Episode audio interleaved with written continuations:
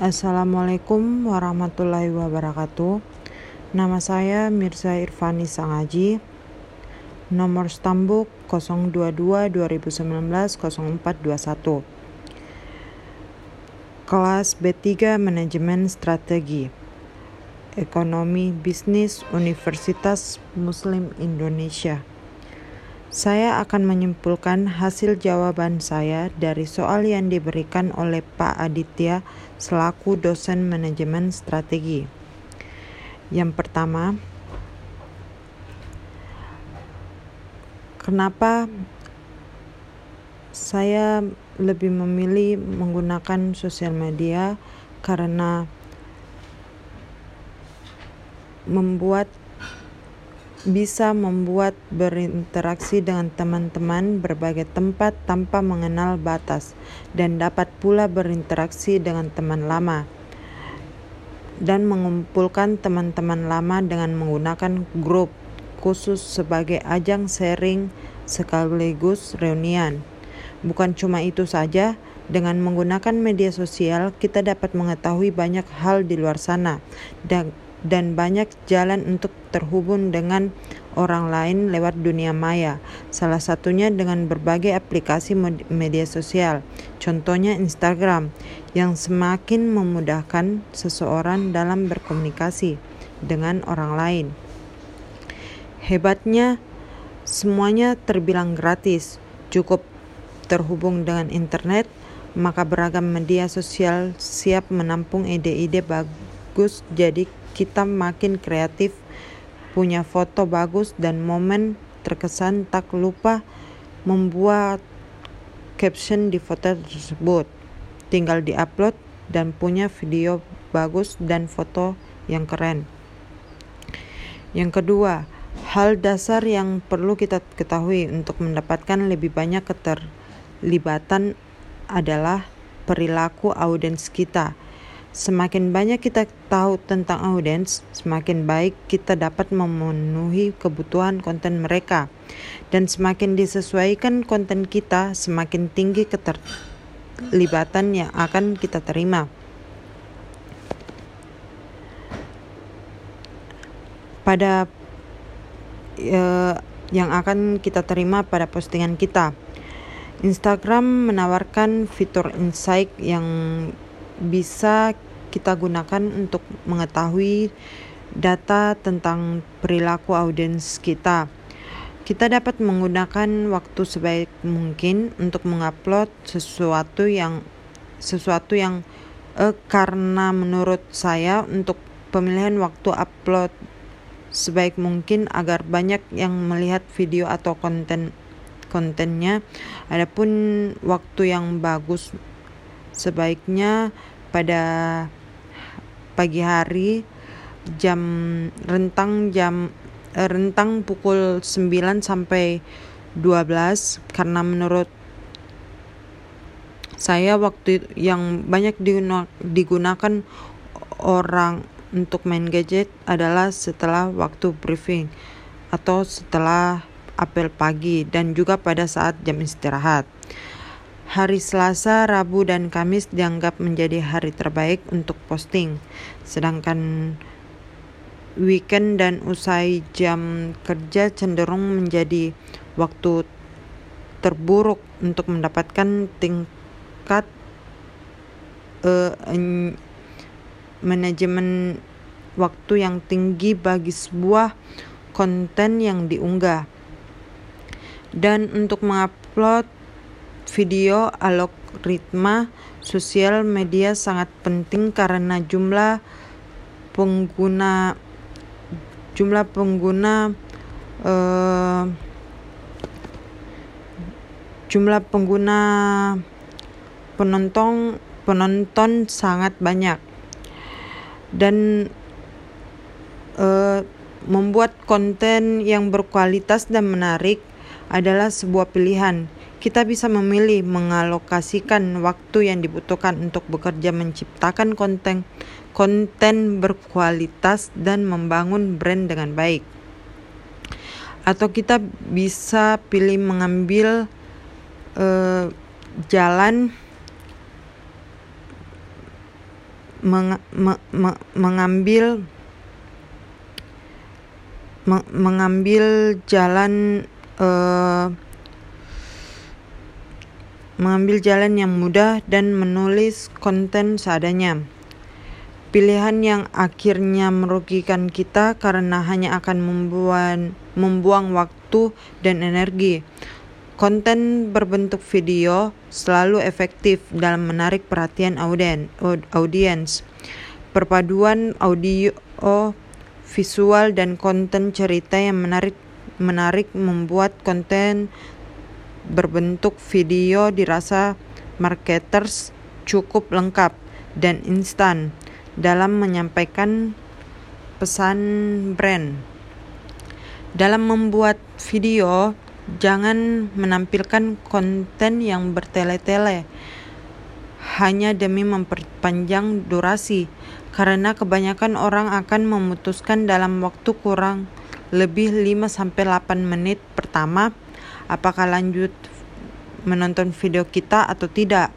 Sebagai pemilik ide untuk video kita, harus membuat konsep isi video terlebih dahulu sebelum masuk ke proses pembuatan videonya. Kita harus isi sesuai dengan kebutuhan dari produk yang dipromosikan, termasuk apa yang ingin dicapai dari video ini. Pastikan konten video tersebut memiliki isi yang singkat, jelas, dan tepat, uh, dan memiliki pesan atau caption baik berupa kata-kata bijak, humor, ataupun tutorial, sehingga banyak audiens yang akhirnya tertarik dengan video tersebut. Selanjut, per, selanjutnya, pertanyaan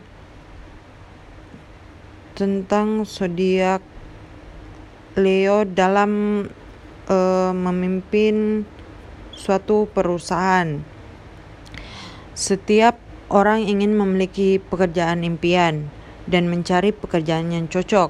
Bisa jadi susah-susah gampang, termasuk bagi zodiak zodiak saya, Leo. Leo dikenal sebagai zodiak independen dan berorientasi pada tujuan. Mereka juga gemar mencari tantangan dan dikenal dapat memimpin memimpin dengan rasa percaya diri. Zodiak Leo juga bisa bekerja di berbagai di berbagai lingkungan karena kepribadiannya yang ceria dan menyenangkan. Leo adalah pemimpin yang cukup berani untuk meminta apa yang mereka inginkan, dan jika seseorang tidak patuh, katakan saja mereka akan mendapatkan apa yang mereka inginkan. Memberi perintah dan arahan adalah spesialis mereka. Seorang pemimpin perusahaan akan menjadi posisi yang sempurna untuk bersodiak Leo Nah, menurut saya yang bersodiak Leo dalam menjalin dalam menjalin pemimpin dalam sebuah tim, perusahaan ataupun organisasi bukanlah hal yang mudah.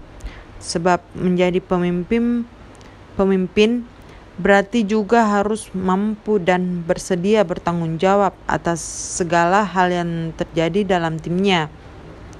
Belum lagi ada banyak tekanan dan masalah yang hadir dalam kelompok yang dipimpin.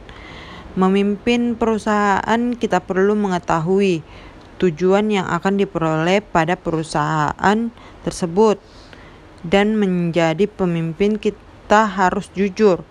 Jujur jujurlah kepada orang-orang tentang kesenjangan antara di mana mereka berada saat ini dan di mana mereka ingin berada.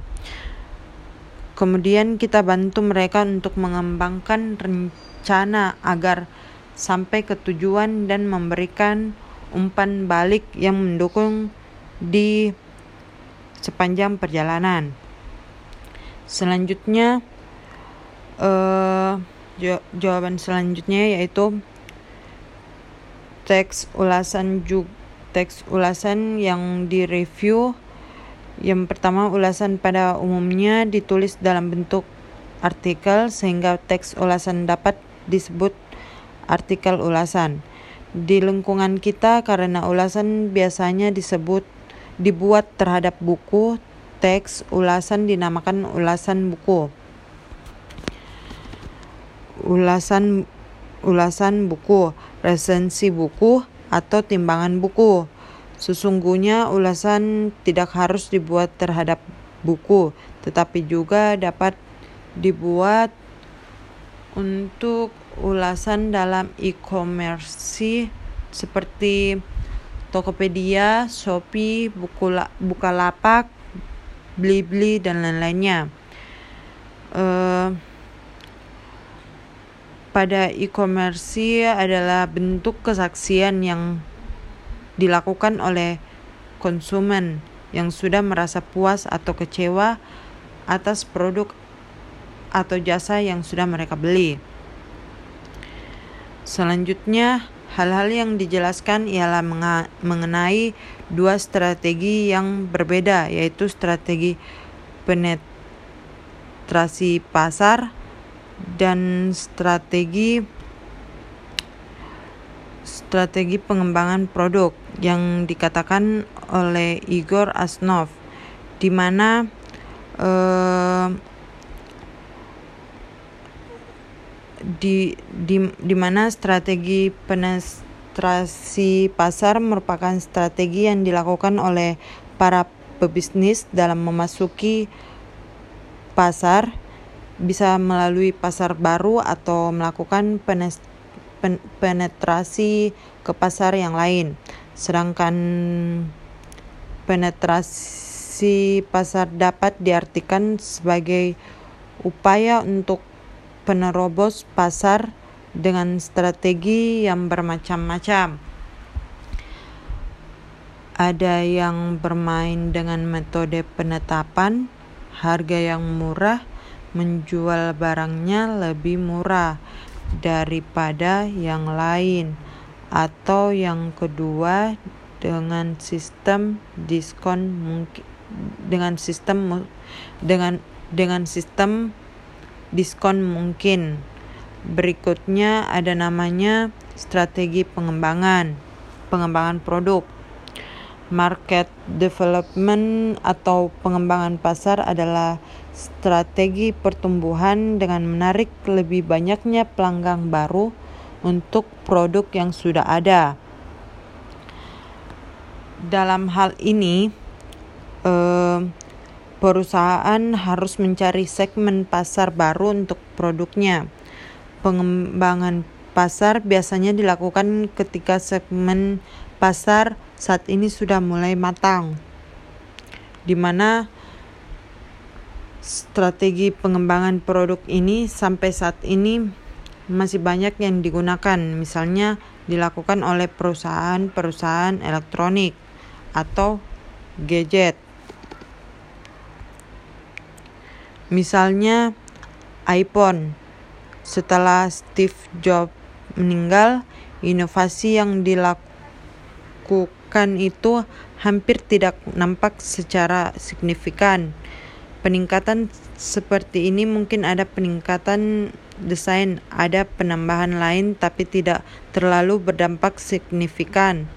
Sedangkan menurut Michael Porter yang menyatakan bahwa keunggulan bersaing competitive advantage adalah kemampuan yang diperoleh melalui karakteristik uh, dan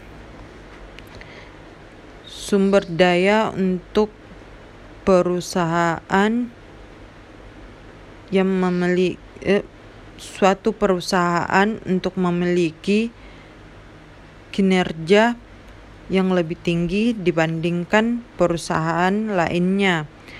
Pada industri atau pasar yang sama, isu tentang keunggulan